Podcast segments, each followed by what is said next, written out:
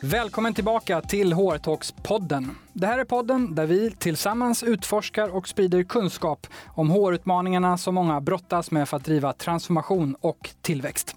Här lyssnar du på skarpa samtal mellan mig, Tommy Kau, och olika företagsledare, HR-chefer och experter där vi är konkreta, öppna och går rakt på sak.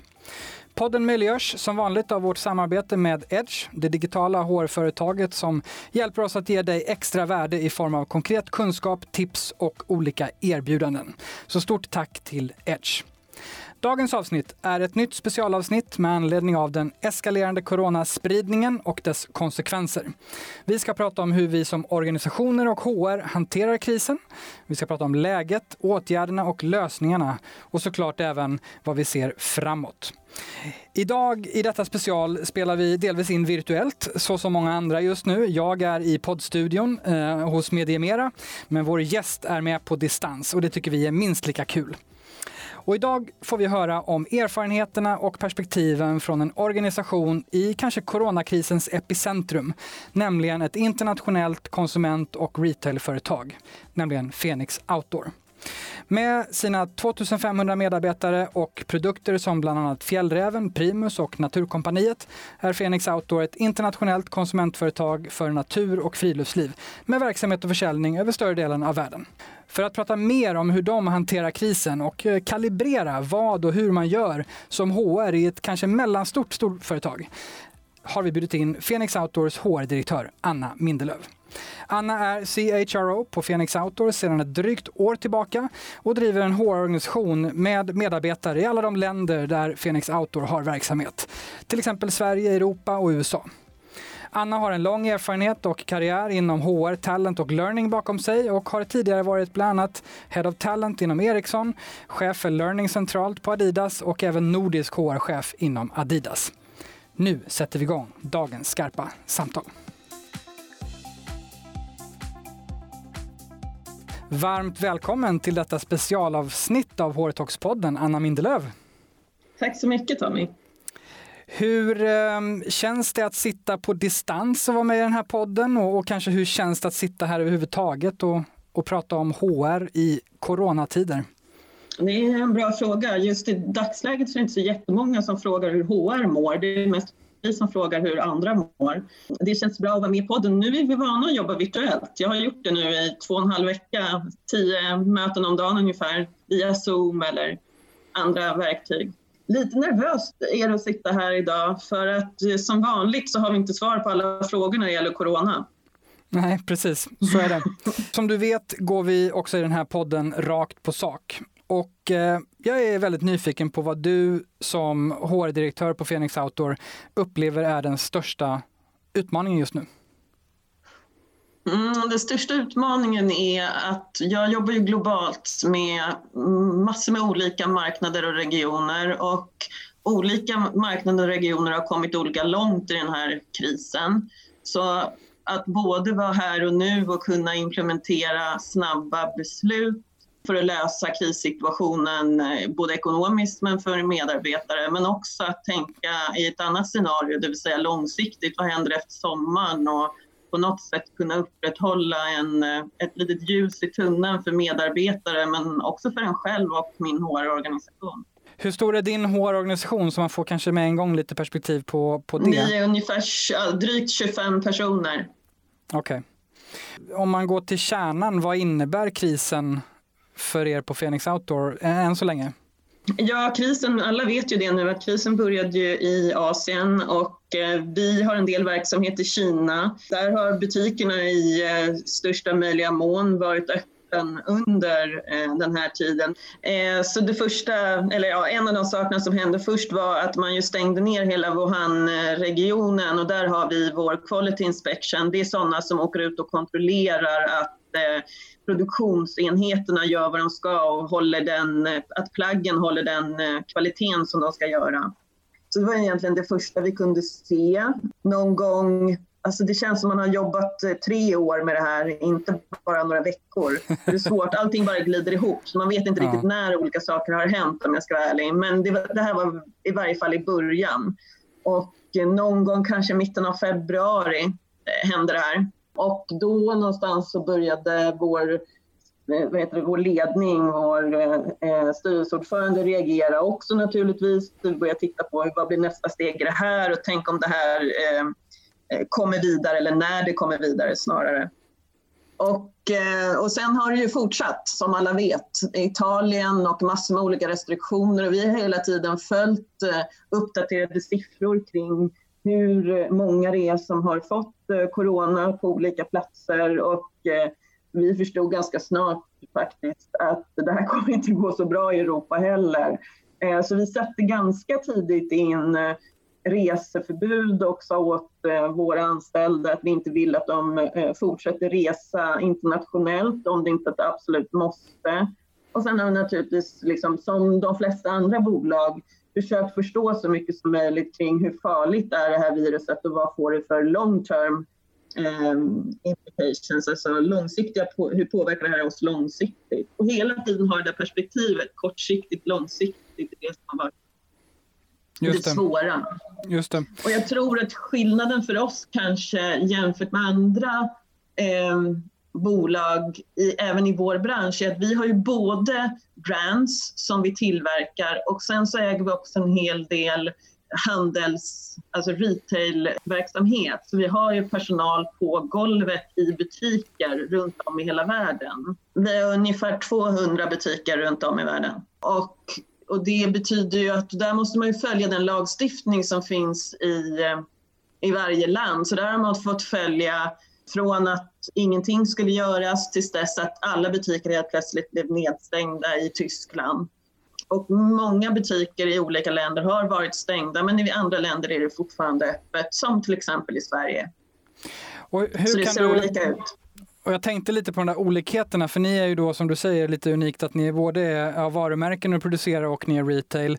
Hur, mm. eh, Eh, är det jätteskillnad i hur krisen slår i de olika? Jag tänker på de som lyssnar också kan ju sitta i kanske någon av de här eller för den skullen kan det finnas några som, som faktiskt har samma setup som ni. Hur, hur kan du se hur det slår olika?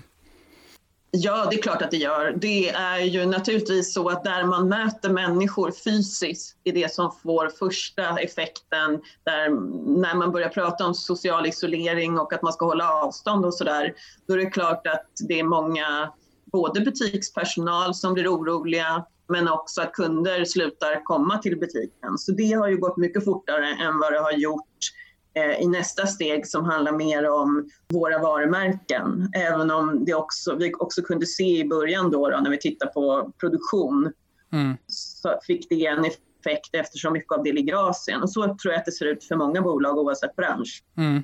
Har man produktion i Asien så har man på ett eller annat sätt varit påverkad. Och samtidigt eh, tänker jag då, vi hade i vårt förra specialavsnitt så hade vi eh, faktiskt några gamla kollegor till dig delvis eh, från Ericsson mm. som ju såg det här redan i januari och började påverkas mm. och har följt det sedan dess. När vi pratade inför det här samtalet så sa du också att eh, just era eran ägare och styrelse de var väldigt på det här ganska tidigt innan man har hunnit ja. se så mycket operativa påverkningar egentligen. Absolut. Man förstod kanske tidigt allvar, hur allvarligt det kunde bli och att man då börjar direkt räkna på vad händer om vi inte har verksamhet, om vi inte kan ha våra butiker öppna och så vidare och hur tänker vi runt det? Mm. Och det är klart att det är en hjälp. Jag förstod nog inte heller riktigt i början hur allvarligt det kunde bli eller som det är nu. Det, det tog någon vecka innan vår styrelseordförande hade ringt och pratat med mig några gånger och sagt att eh, men eh, jag tycker kanske inte att du tar det här tillräckligt allvarligt. okay, ja. Och nästan lite arg så här, att jag var nonchalant. Så där. Och sen så förstod jag att det här kommer nog bli mycket större än vad jag kan föreställa mig. Och jag tror att alla har gått igenom samma resa. Det är kanske bara lite olika timing. Han är ju sådär stora perspektivens man och eh, är van att tänka globalt och kan se hur olika saker ekonomiskt påverkar andra delar av världen, vilket jag kanske inte är lika van vid. Och som, alla, som svensk tänker man ju ofta att ah, det kan inte vara så farligt det där. Och det löser sig säkert. Um, men, men nu är vi ju där även i Sverige, även om vi har helt andra eh, förutsättningar än vad många andra länder i världen har. Mm. För att rädda oss ur det här och för att klara sig igenom krisen generellt. Och jag tänker att det är det som eh, många av de som jag har pratat med de senaste veckorna när jag har ringt runt och, och, och checkat in och, och, haft personer här i podden också så, så kommer flera tillbaka till det att har man haft verksamhet i Kina så har man fått upp ögonen tidigare. Sen är det kanske en klen tröst när, när, när eh, kaoset och vågen nu kommer. Man, man har åtminstone hunnit eh, mentalt eh, och kanske även operativt förbereda sig lite grann. Ja. Och sätta igång krisorganisationer på olika sätt eller analyser.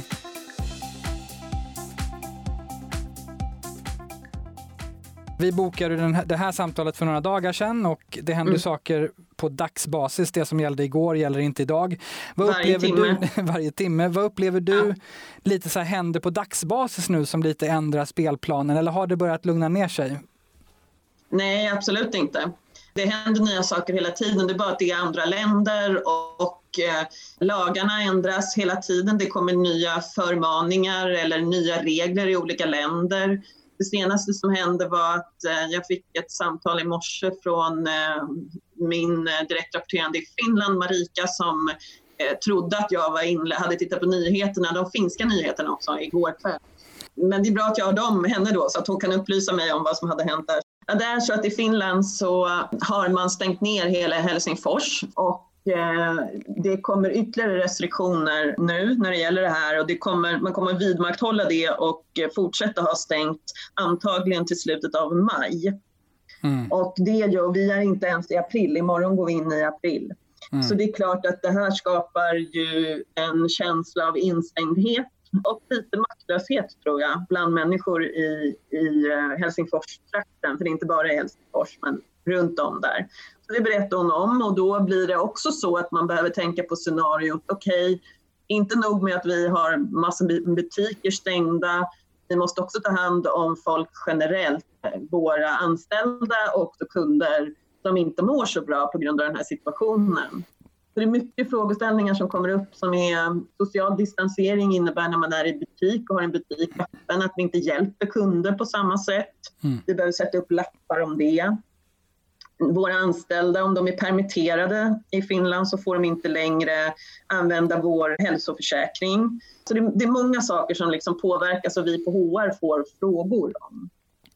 Vad, jag tänker, vi, vi, vi har ju för de här specialavsnitten fått lite lyssnarfrågor och alla hann vi inte med i förra vändan men är relevanta mm. även nu. Och vi har Siri Vikander som är eh, avgående Director of People Growth på Scandic Hotels som skickade in ett gäng frågor som jag tänker är relevant i det här sammanhanget. Hon hade faktiskt den där frågan, eh, vad är de vanligaste frågorna, kanske då som kommer från organisationen, men vad är den vanligaste frågan som ni får, upplever du, från Ehm, du kan ta från ditt team till att börja med, från, från HR i det läget som är nu. Det har varit väldigt olika i uh, olika faser. Man kan nästan dela in det i olika faser. När det gäller HR-medarbetarna så har mycket frågor egentligen rört lagmässigt. Var hittar man information om olika saker? Och lite så här, vad ska de göra? För nu blir det mycket att även affärschefer affären eh, ställer frågor till HR som inte vi är vana vid att få. Ska vi verkligen svara på det här och, och liksom hjälpa till med ett affärsstöd? Sådana frågor har jag fått en del. Men också vad eh, det finns för lagrum och det vet vi ju inte för att det uppdateras ju från dag till annan i de olika länderna. Mm. Så mina sista ja, det är väl fyra veckor, tre, fyra veckor handlar väldigt mycket om att lära mig alla lagar jag kan lära mig som är nya som har med korttidspermitteringssystemen att göra i de olika länderna för att kunna svara på åtminstone delar av frågor och dessutom göra beräkningar på vilka kostnader vi kommer ha på grund av det. Just det. HR-personalen är ju också bara människor och eh, de behöver ju också känna lite så här psykologisk safety och eh, jag har försökt ha möten två gånger om dagen med alla alla är inbjudna till att vara med på de mötena. Alla inom HR? Ja, inom HR. Just, Just, bara för att man ska få, många sitter hemma och jobbar, man ska få känna att man är en del av en helhet och att man också, om man är sen om USA är ju sist in i det här och då kan de också känna att de har ändå kommit lite längre i Tyskland. Eh, och i USA så ser ju också lagarna helt annorlunda ut naturligtvis. Och och nu sätter man in väldigt mycket restriktioner. Så det handlar någonstans om att få liksom teamet att känna något hopp tycker jag, och svara på de frågor man kan svara på. Man kan inte, jag kan inte svara på alla frågor, så är det ju. Hur hanterar ni oron bland medarbetare, kanske bredare än, än inom HR bara? Mm, där har jag eh, varit ganska tydlig med att jag vill att eh, linjecheferna kliver fram och att de hanterar så mycket som möjligt av det. Och det är dels träning för dem i hur man kriskommunicerar men också allmänt bara ledarskap. Att våga säga att vi har inte alla svar. Mm. Så det handlar mer om att coacha linjecheferna och låta mina HR business partners hjälpa linjecheferna än att vi hanterar extremt mycket frågor från personalen. Så, så det, vi, vi svarar på frågor från dem också naturligtvis, men i första hand är vi ett chefstöd. Så har vi försökt hantera det. Just det. Och du nämnde lite att det kommer frågor från affärsledarna också. Det är mer... Eh, man kanske är osäker på exakt hur man ska kommunicera saker för att det inte finns lagstöd. Man mm. kanske inte vet exakt eh, hur det kommer att se ut och då blir man lite osäker. Så då behöver man hjälp med hur man ska formulera sig så att det blir så lite fel som möjligt och så mycket rätt som möjligt. Mm. Det, kan vara, och, det, och det är också de frågorna som man blir väldigt affärsnära. Därför att det är klart om jag går in och säger så här, nej, i Tyskland ska vi inte permittera mer än så här många så får det en impact på eh, funktionerna i organisationen. Så det är mer så jag tänker. Jag tyckte till exempel inte att det var en jättebriljant idé att skicka hem folk på e-handel när vi också stängde butikerna utan tvärtom så bör vi manna upp på e-handeln.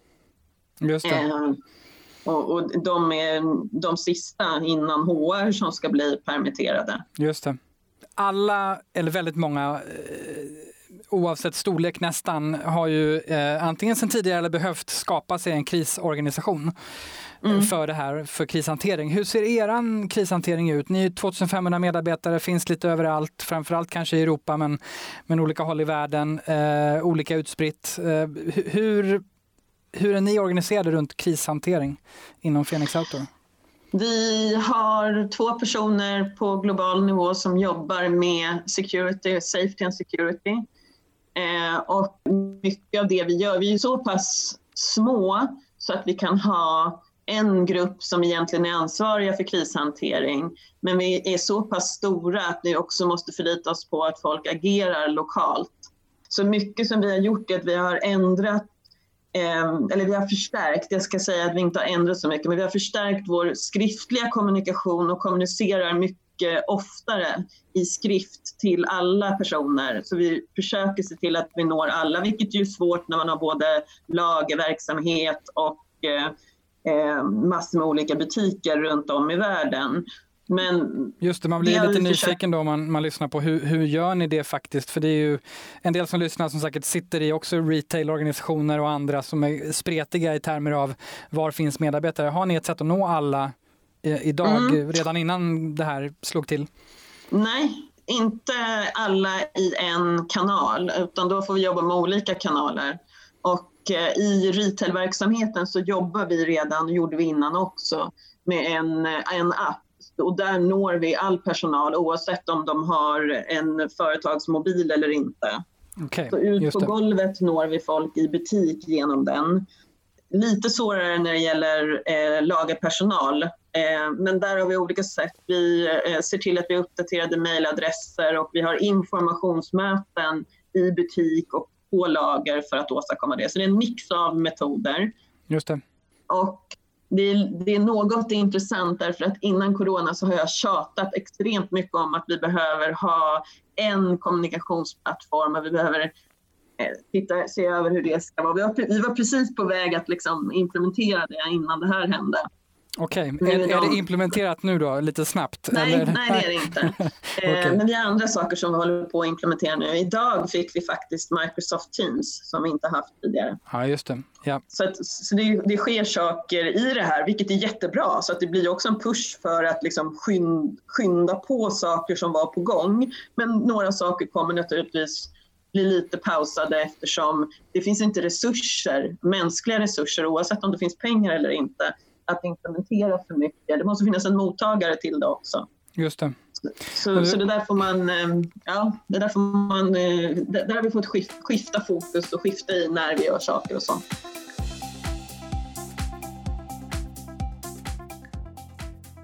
Vi kommer in lite nu på, på åtgärder och, och, vad ni har gjort för lösningar och så vidare. Jag kommer ihåg när vi pratade för, för ett tag sedan så, så sa du det att men någonstans på torsdagen, fredag där så kändes det som att nu har vi hanterat det mest akuta läget eh, och sen mm. på lördag, eh, så, eller vilken dag det var, så kom beskedet att nu ska alla jobba hemma.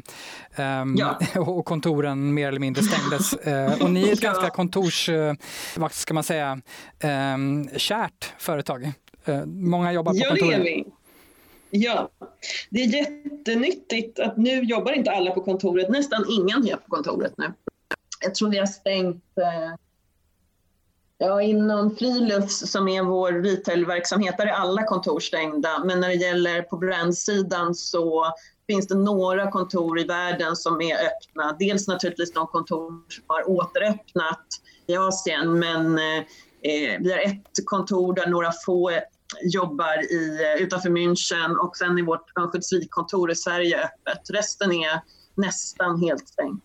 Du kommer ju från, tidigare från eh, globala, eh, riktigt globala, riktigt stora företag som Ericsson och Adidas där man jobbar hemma, eh, åtminstone på Ericsson mm. på daglig basis eh, mer eller mindre.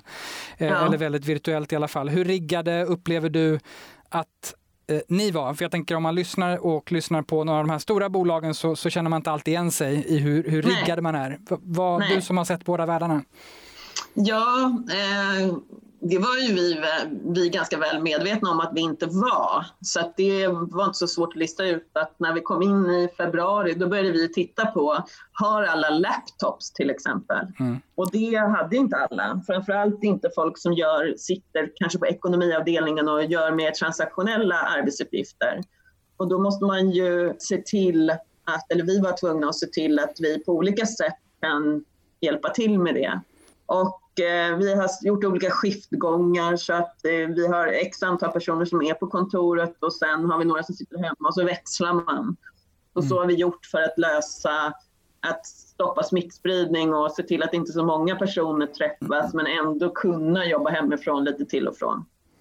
Eh, men de allra flesta har nu möjligheter att jobba hemifrån och såklart har laptops och mobiltelefoner. Det är ju där är vi åtminstone i hamn. Men det har varit svårt med vilket verktyg ska vi då använda? Vi har haft vissa virtuella verktyg att använda men som inte riktigt har funkat när man ska jobba globalt. De har funkat kanske när man är i Europa eller bara när man är i USA och sådär. Det har varit lite av en utmaning men allt, man lär sig också på det hur man ska bete sig och hur man ska få det att fungera. Så en, en brant lärkurva eh, internt. Mycket, mycket. Mm. Ja, men det är bra. Mm. Det var det som vi sa i ett annat eh, poddavsnitt här, att den där förmågan att springa en brant lärkurva, den ska vi ju komma ihåg och ta med oss in i nästa utmaning, för att det finns mm. mycket vi behöver lära oss. Eh, mm. internt. Eh, och, jag, har haft, eh, jag har haft förmånen att få ha två stycken praktikanter under de sista fem veckorna. En på, som som satt i Solna tillsammans med mig och en som har suttit på Naturkompaniet tillsammans med Agnes. Um, båda från Jönköping och går på samma universitet. Um, och de har väl aldrig någonsin, kunde väl aldrig någonsin tro att de skulle hamna i en coronakris. Och, det är värsta crash course i krisledning. Och, Eh, så jag skickar faktiskt till och med ett meddelande till deras eh, lärare att eh, de borde ta vara på det här tillfället som lärare och implementera det som studenterna har lärt sig under den här crash i krisledning. Ja, verkligen ett stresstest för, för studenterna. Ja. Eh, helt klart. Eh, jag, mm. jag, undrar om vi kan summera lite liksom, vad det är ni har tagit för åtgärder? Vi har stängt kontor och öppnat kontor. Vi har lyssnat väldigt mycket på lokala myndigheter. Eh, vi har varit snabba med att informera och sätta in reserestriktioner. Eh, vi har utökat antalet kommunikationstillfällen avseende eh, corona som vi har kallat för så här, corona update som har gått ut till all personal. Jag, eh, eh, ibland ska man ha liksom, tur vad man får igenom för någonting. I januari så började eh, Fenix första internal communication manager som eh, rapporterade till mig Och eh, så henne har fått en, här kan vi prata om crash course i eh, hur mycket och hur ofta och utan honom hade jag, eh, jag vet inte vad jag hade gjort. Nej. Ja, det är också ett budskap får man säga till, till de som eh, eh, som lyssnar. Och, och, det är klart, vi vet att runt om så finns det många som eh, ångrar att man inte på olika sätt har riggat sig ännu bättre eller tagit de här besluten som man nu önskar att man gjorde för ett år sedan och så vidare. Men, men ja, ibland har man bra timing helt enkelt. Ibland har man bra timing. Det var extremt bra timing. Jag hade säkert löst det där på något sätt, men den har inte blivit lika proffsigt. Och, inte lika vänligt kanske. Det hade varit mer instruktivt om det hade varit jag som hade skrivit det. tror jag. Just det. Eh, gör så här, stå upp, jobba på. Har du dragit några lärdomar kring det? Har du några tips och tricks kring hur man kan jobba med sin kommunikation baserat på hur ni har jobbat? Jag tänker mycket att eh, det som är viktigt i en sån här typ av kommunikation är ju att man måste förstå att människor, inte bara regioner och marknader, där finns det också människor. De har kommit olika långt i sin egen eh, eh oro och liksom mm. förmåga att kunna hantera situationen och det behöver man klara av att bekräfta. Som HR-person så räcker det inte med att man likt en armé eller liksom polis talar om hur folk ska göra utan snarare att vi bekräftar att vi förstår att det är jobbigt. Det tycker vi också. Mm. Um, och försöker finnas där. Liksom. Så det handlar ju om att vara väldigt tydlig med vad som förväntas i den mån det går men också att uh, få människor att känna sig hyfsat trygga i det här. Mm. Så det tror jag är jätteviktigt i kommunikationen och att vi har också försökt eh, kommunicera med bilder och har haft så här, veckans bild när vi har skickat ut så här, bilder från hur det är i Asien på människor som gör konstiga saker. Och, så att det ska bli lite roligt i allt elände. Just det. Eh, och det har vi faktiskt hållit i, även fast vi från vissa håll har fått lite kritik internt för att vi har gjort det. Okej, okay, men lite upplättat och, och, och blanda ja, in den... Ja. Eh, ja, att försöka se någon form av liksom, jag vet inte, lite så här ljussatta. Ja, men det är ändå, det här är ju... Eh, det är som det är, vi kan inte göra så mycket åt det och bara bekräfta att det är så. Men samtidigt så är det här ganska roligt. Man måste kunna ha liksom lite roligt i eländet på något sätt. Japp, det kanske är något vi ska börja samla in, eh, goda ja. exempel på, på roligheter.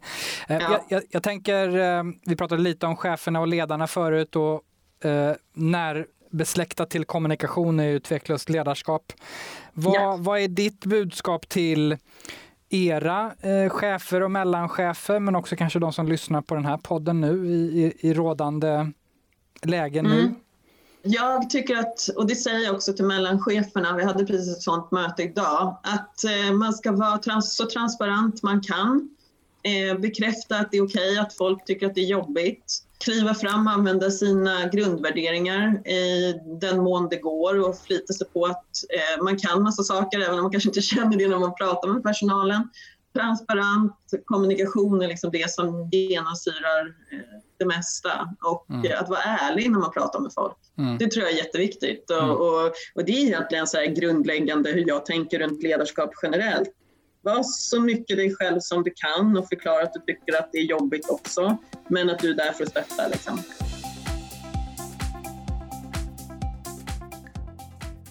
Du har ju ändå under din karriär jobbat ganska mycket med, med här, talang och ledarutveckling. Vad tror du kommer vara den största utmaningen för ledare under en kanske lite mer utbredd coronakris eller, och kanske eh, även efter? Vad har du för reflektioner kring, ja, kring det? Ja, där frågan är intressant. Jo, jag tror att under hösten så kommer vi se en stor eller höga tal av arbetslöshet i Sverige Eh, världen över såklart, men kanske framför allt i Sverige. Och det har att göra med hur permitteringsreglerna i Sverige ser ut och vad man nu bestämmer, vilket erbjudande eller vilken hjälp man vill ge till företag. Jag eh, tror att det är så att vi går lite fel när det gäller hur vi eh, skapar trygghet i Sverige just nu. Jag skulle hellre vilja se att regering och riksdag fattade beslut eller fattar beslut som hjälper våra företag att överleva istället för att ha ett väldigt, väldigt stort fokus på de anställda. Måste man välja så, Sverige består av en mängd små bolag i stor utsträckning. Även om de flesta anställda jobbar på stora företag så är det ändå småföretagen som är Sverige på något sätt. Många bolag har 0 till 200-250 anställda i Sverige. Mm. Och då tror jag att eh, givet den här massarbetslösheten som jag eh, tror kan, kan komma så blir det än viktigare att jobba med sin kompetensförsörjning och titta på vilken är den kompetensen som vi verkligen, verkligen behöver på vårt bolag för framtiden och se till att behålla och jobba med din kultur. Och det har man ju alla möjligheter att göra nu under corona och visa att man tar hand om hela personalen om man kan det eller delar av personalen som man verkligen, verkligen eh, ser är nödvändiga för framtiden. Ja, så att den stora skillnaden är nog att det kommer bli ännu svårare att hitta den liksom nyckelpersonalen eller nyckelkompetensen. Det behöver inte vara anställda, det kan också vara inhyrd kompetens. Mm. Den kommer bli svårare att få tag på och också att behålla i framtiden tror jag utmaning och möjlighet. Alltså det du säger, om jag tolkar det, att det kommer vara viktigare att eh, hålla ha koll på sin kompetensförsörjning, att ligga ett steg före så att man vet vilka mm. kompetenser, vilka roller behövs. Eh, för sannolikheten finns ju ändå där och blir större och större för varje dag att vi kommer behöva säga hej då till kollegor och vilka mm. kompetenser ska vi då satsa på eller behålla det är lite så frustrerande när jag sitter med så många olika länder och tittar på vad andra regeringar, eh, hur de går in och stöttar och supportar jämfört med vad vi gör i Sverige eh, så kan man bli lite lätt trött när man som svensk eh, på något sätt också så nationalistiskt ska försöka försvara mm. vad som inte görs i Sverige just nu och hur extremt långsamma vi är på att reagera. Just det. Vad skulle du vilja se, se mer utifrån det vi pratar om. Ja, du var inne lite det kan på... vara ett helt poddavsnitt om. ja, det kanske skulle det ska att man gör. kan vi bjuda in företrädare eh, från, från, alla håll.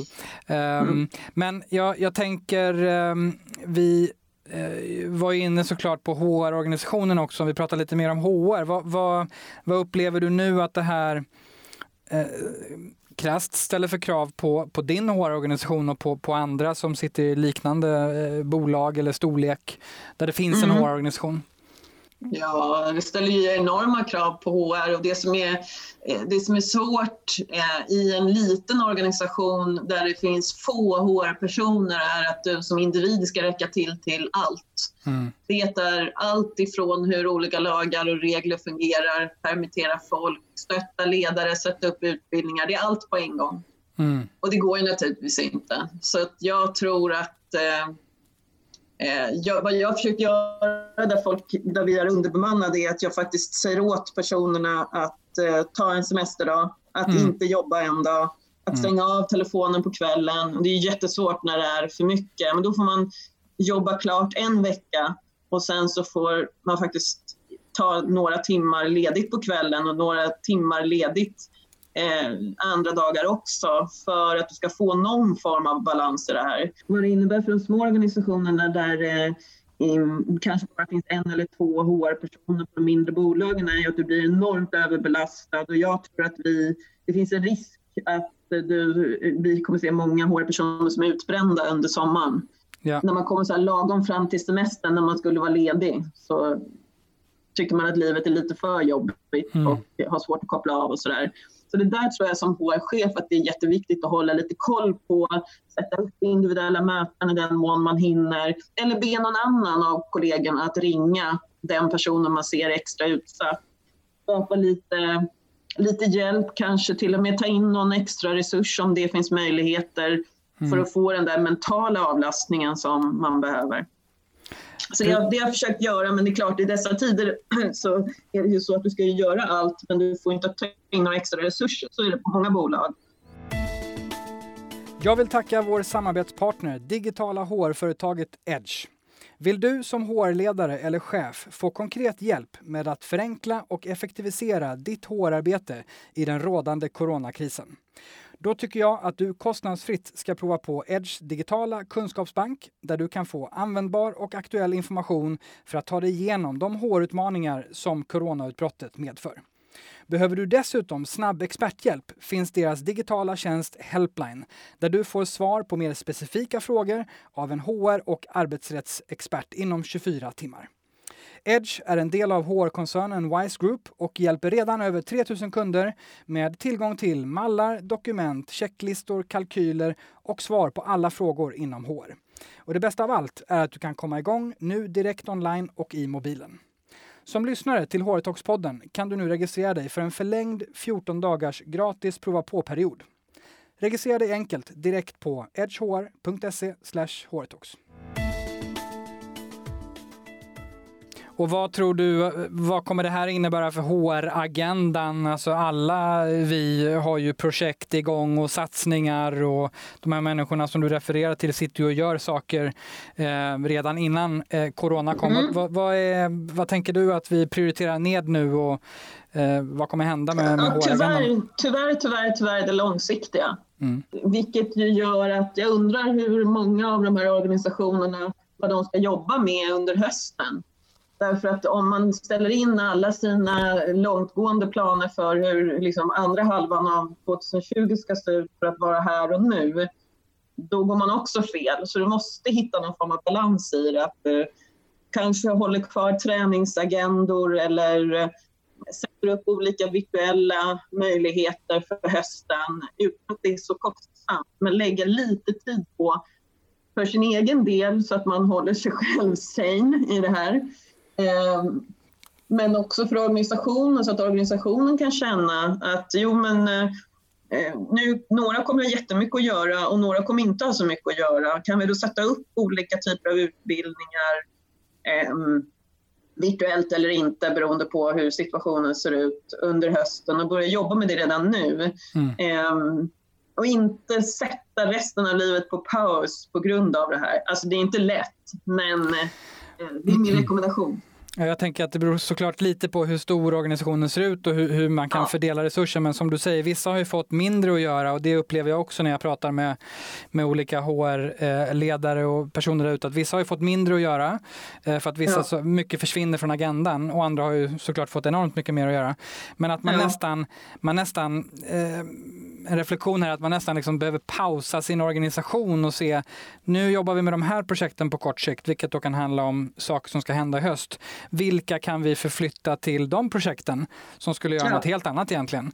Men att ja. inte vara för rigid fast i och det kanske är en del av den mentala avlastningen också. Att man släpper lite det som man eh, har på sina axlar sen, sen tidigare och man är stressad över ja, att man inte kan göra det. Men eh, om jag ska vara ärlig så tror jag att många HR-människor är ganska, nu pratar jag liksom om ett helt skrå av människor, vi är ganska reaktiva gillar när det händer mycket och liksom får gå in och göra nytta. Men man kan inte bara göra det här och nu. Då går vi lite fel i det här. Det här är en del av någonting och det är jättesvårt att säga det. När jag har suttit i andra organisationer tidigare när jag bara har varit jag och ytterligare kanske en person. Mm. Uh, och sitter man tajt och då är frågan hur mycket av din din vakna tid ska du lägga på jobbet för att rädda någonting för framtiden? Det vet mm. jag inte, det måste man ju balansera själv. Mm. Eh, du kan inte jobba 24-7, det är mitt svar på frågan egentligen. Du måste lära dig att stänga av. Då så där är, har HR-chefen, HR-direktören en viktig roll för att se till att vi har eh, krast, om man ska vara helt ärlig då, eh, så få mm. sjukskrivningar som möjligt inom HR till sommaren. Ja, eh, exakt. Och eh, jag vet att det också finns HR-personer som blir permitterade. Jag, jag, har inte riktigt listat ut än eller sett om det är kanske främst inom rekrytering eh, eller det som är framtidsriktat så att säga. Just det. Just det. Um, mm, ja, det, det, är intressant utifrån det perspektivet att det blir väldigt, väldigt kortsiktigt. Och det har jag försökt undvika och försökt hålla upp det här. I höst så ska vi göra så här och nu håller vi på med de här rekryteringarna. Just det. Eh, men det är också en kulturfråga i stor utsträckning. Hur positiv får man vara i ett sånt här läge? Jag har eh, senaste veckan blivit beskylld eh, internt för att jag är för positiv. Okay. Den har jag aldrig fått tidigare. det är mycket märkliga saker som händer i de här tiderna. Ja. Okej, okay. ja. vad har varit din ansats i, i, som har lett till, till det där? Ja, men det är ju just det att jag har eh, målat upp en bild av att det här kommer gå bra. Vi kommer ta oss ur den här krisen stärkta. Vi jobbar inom outdoor. Folk kommer vilja ha eh, semester hemma. Vi kommer kunna öppna våra butiker och folk vill vara ute i naturen för att få lugn. Mm. Eh, och eh, vi kommer göra allt vi kan för att HR-personerna ska må bra också i det här. Liksom. Så att det, på något sätt, det är klart att om man då redan är i en situation där man har jobbat väldigt hårt de sista veckorna så kommer det någon klämkäck HR-chef liksom, om du säger så, då kan man bli lite smått irriterad. jag förstår det. Ja, mm. Men jag måste ju också balansera de olika länderna. Det är det som är svårigheten. Vad har varit dina lärdomar från tidigare kriser? Vad, vad, har du varit, och vad har du varit igenom för, för större kriser i din roll som HR och ledare? Usch, ja. Ja, jag är ju så gammal så jag har varit med ganska många år eh, med olika typer av kriser. Och jag, jag tänker framförallt på eh, de situationer vi har haft med Utöja i Norge men också USA och allting som händer där. Och alla, de kriserna som har varit liksom de sista 15 åren egentligen när jag jobbat med HR-frågor. Men ingen av de kriserna har ju varit likadan som den här som påverkar både hälsa och företag.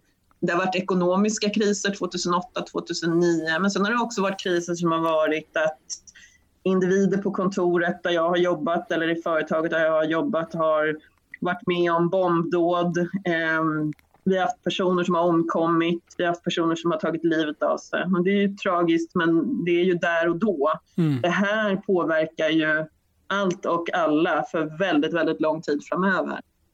Så det är en helt ny situation och det jag egentligen har lärt mig eh, är att man måste agera fort och det är bättre att agera utan att du har alla svar och att du har all info än att inte agera alls, för det är också ett beslut. Mm. Och, och det tycker jag är ganska så svårt därför att eh, många personer i ledande befattningar är vana att ha mycket fakta innan de fattar tunga avgörande beslut och det kanske man inte alltid kan ha just nu. Just så du, du kan ha lite nytta av människor som är lite riskbenägna just nu med någon form av balans i att det där går överhuvudtaget inte från någon högre ort men att man kommer med de idéerna eh, kring varför gör vi inte så här? Och att man låter människor få komma med de idéerna eh, i någon form av idélåda. Mm. Mm.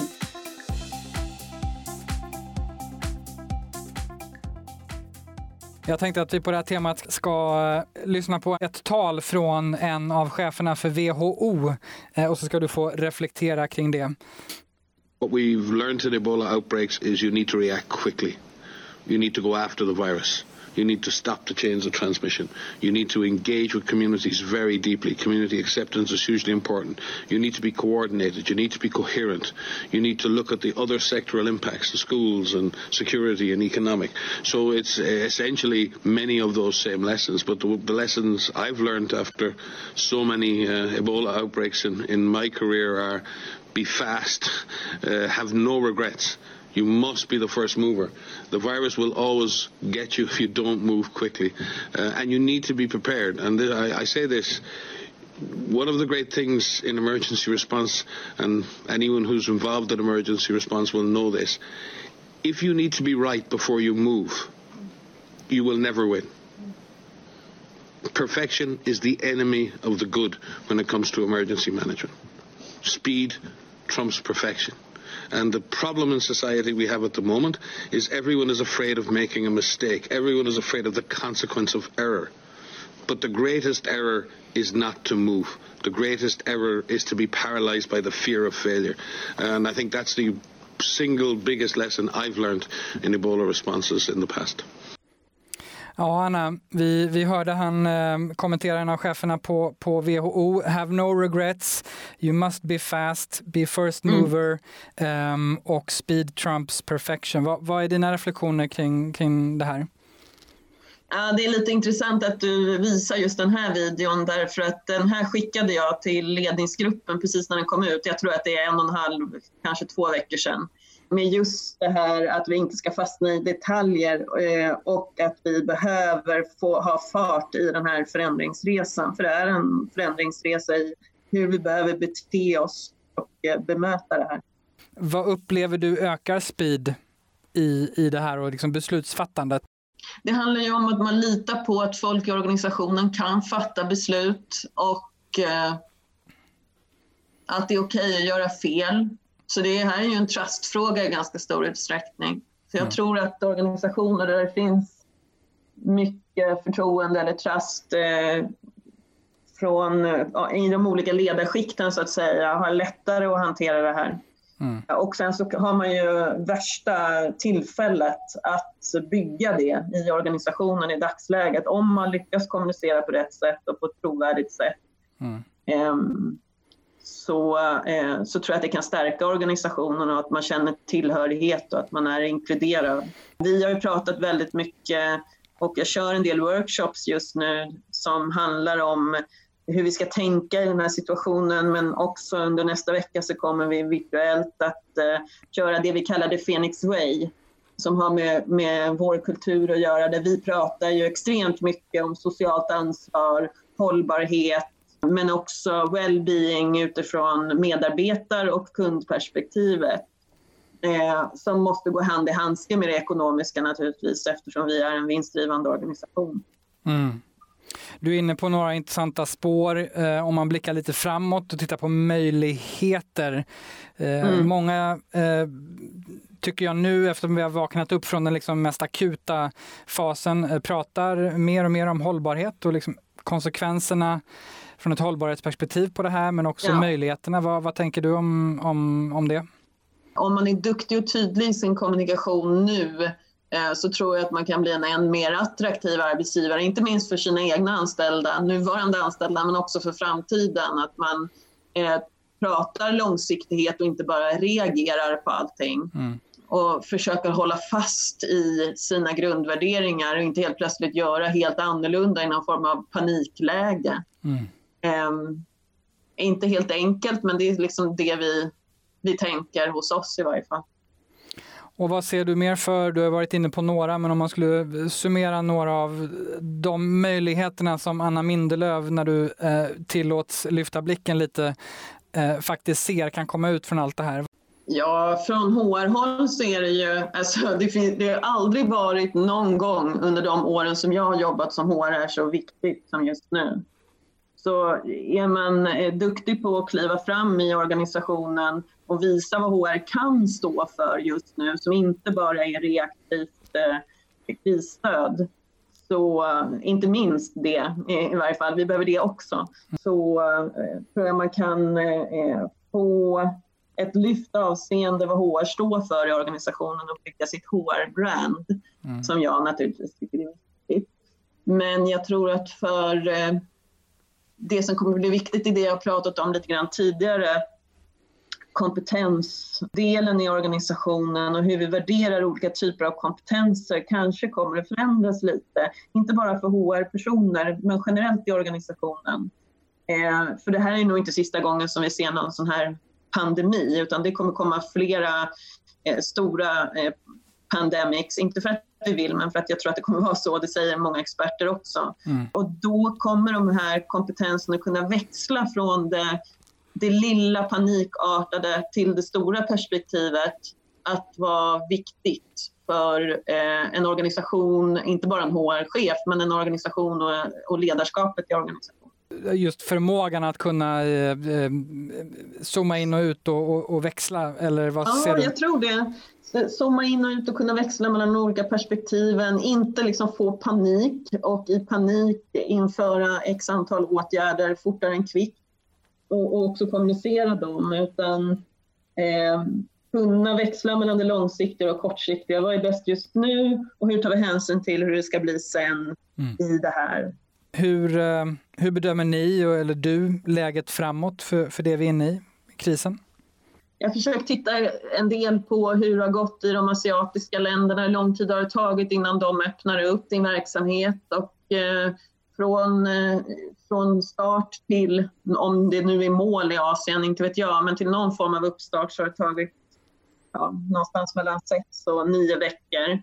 Och om vi då är inne på vår tredje vecka kanske i Sverige så kan man själv räkna ut att under april troligen en bra bit in i maj så kommer det vara ganska tufft läge även i Sverige.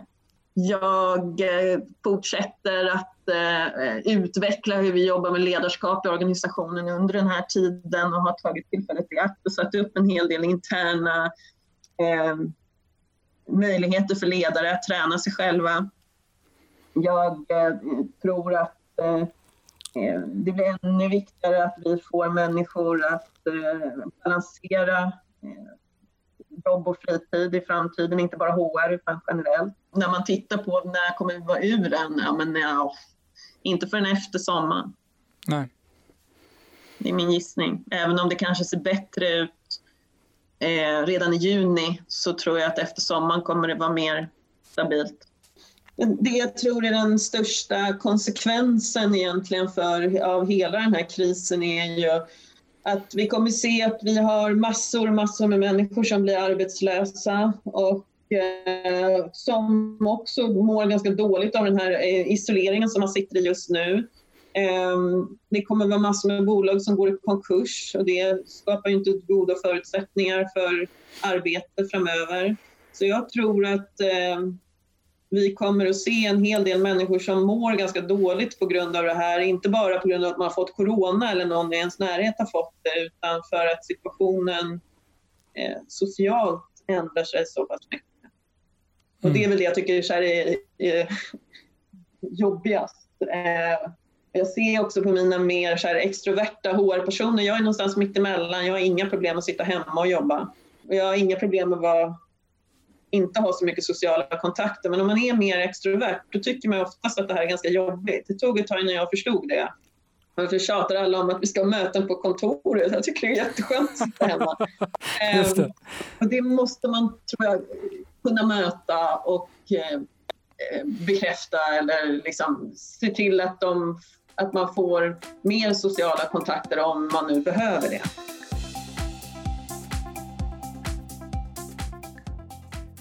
Vi ska eh, avrunda och skicka med några summerande tips till de som mm. lyssnar. Vad eh, tycker Anna Mindelöv är, är de viktigaste budskapen till de som lyssnar nu och som är inom både HR och, och, och, ledare? Men om vi börjar med HR, viktigaste budskapen till, till de som jobbar inom HR just nu från dig?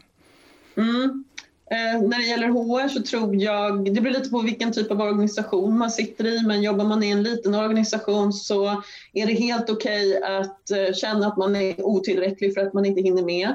Och jag tror att man trots det behövt inte, man ska inte jobba 24-7 utan du ska försöka ta dina liksom, breaks och att du aldrig kommer kunna göra klart allt. Det är, så är det. Punkt på den. Punkt på den. Mitt tips är eh, ja, eh, gå ut och gå den där promenaden. Eh, fortsätt eh, göra saker som du mår bra av trots att du måste jobba mer. Och mm. Eh, det kommer en tid efter corona också. Försök eh, liksom, ta sikte på det. Ja. Och, och eh, viktigaste budskapet till, till ledare och kanske övriga i ledningsgruppen, grupperna mm. runt om? Ja, där tror jag att det behövs en eh, lugnande, jag vet inte, vante, men det behövs liksom så här, hallå, nu tar vi lugna ner oss lite grann här. Och eh, det är så att folk kommer vara stressade och tycka att det tas felaktiga beslut och folk kommer bli irriterade och eh, desto viktigare att vi eh, vi vet det, vi som sitter på HR och kan lite mer kanske om människors beteende, att vi bara kan lyssna i det och inte själva gå in i någon form av irritationscirkel. Mm. Utan lyssna och säga, ja, jag, hör att, jag hör att ni tycker att det är jobbigt, vad gör vi åt det? Mm. Och eh, några sista medskick till, från dig till oss. Vad tycker du att vi ska utforska och kalibrera mer här i podden i, i de här specialavsnitten som vi har kopplat till hur vi tar oss ur krisen eller hanterar krisen? Några tankar? Nej, men jag tycker just det här perspektivet att eh, eh det är lätt att, eh, att bara tänka här och nu och försöka bromsa det negativa för individen. Men vi som jobbar med HR-frågor ska ju ta hand om om organisationen och företagets resurser, de, mänskliga resurserna. Och vi riskerar ju att vi har en, en, eh, ett gäng personer inom kort som mår väldigt dåligt i Sverige på grund av det här. Mm. Så det skulle jag vilja höra mer om, kanske från eh, ledare men också från politiker och hur man tänker runt det här. Vad tänker man göra åt det här mm. efter corona liksom har lagt sig lite grann? Just det, det som kommer sen. Ja. Mm. Stort tack eh, Anna Mindelöv för att du tog dig tid eh, att eh, vara med oss i detta specialavsnitt om corona och lycka till med det fortsatta arbetet. Det har varit extremt givande och nyttigt och kul att ha dig med. Tack så mycket. Det var ännu ett skarpt specialavsnitt och samtal i HR-talks-podden och ett extra viktigt sådant. Sprid gärna avsnittet till chefs och HR-kollegor både internt och i ditt nätverk om du tror att de kan ha nytta av detta samtal. Gillar du podden kan du prenumerera på den i Apple Podcast eller Spotify. Följ oss mer än gärna på HR-talkspoddens Instagram och LinkedIn och anmäl dig till HR-talkspoddens nyhetsbrev så får du varje vecka det senaste avsnittet, extra material, tips och erbjudanden. Jag vill även tacka vår samarbetspartner digitala HR-företaget Edge som är med och möjliggör att vi kan utforska och sprida kunskap via den här podden. Hårtalkspodden ges ut av Kao Company, produceras av Mediemera och du hittar som vanligt all info på hårtalks.se. Tills nästa gång, ha det bra och ta hand om er nu.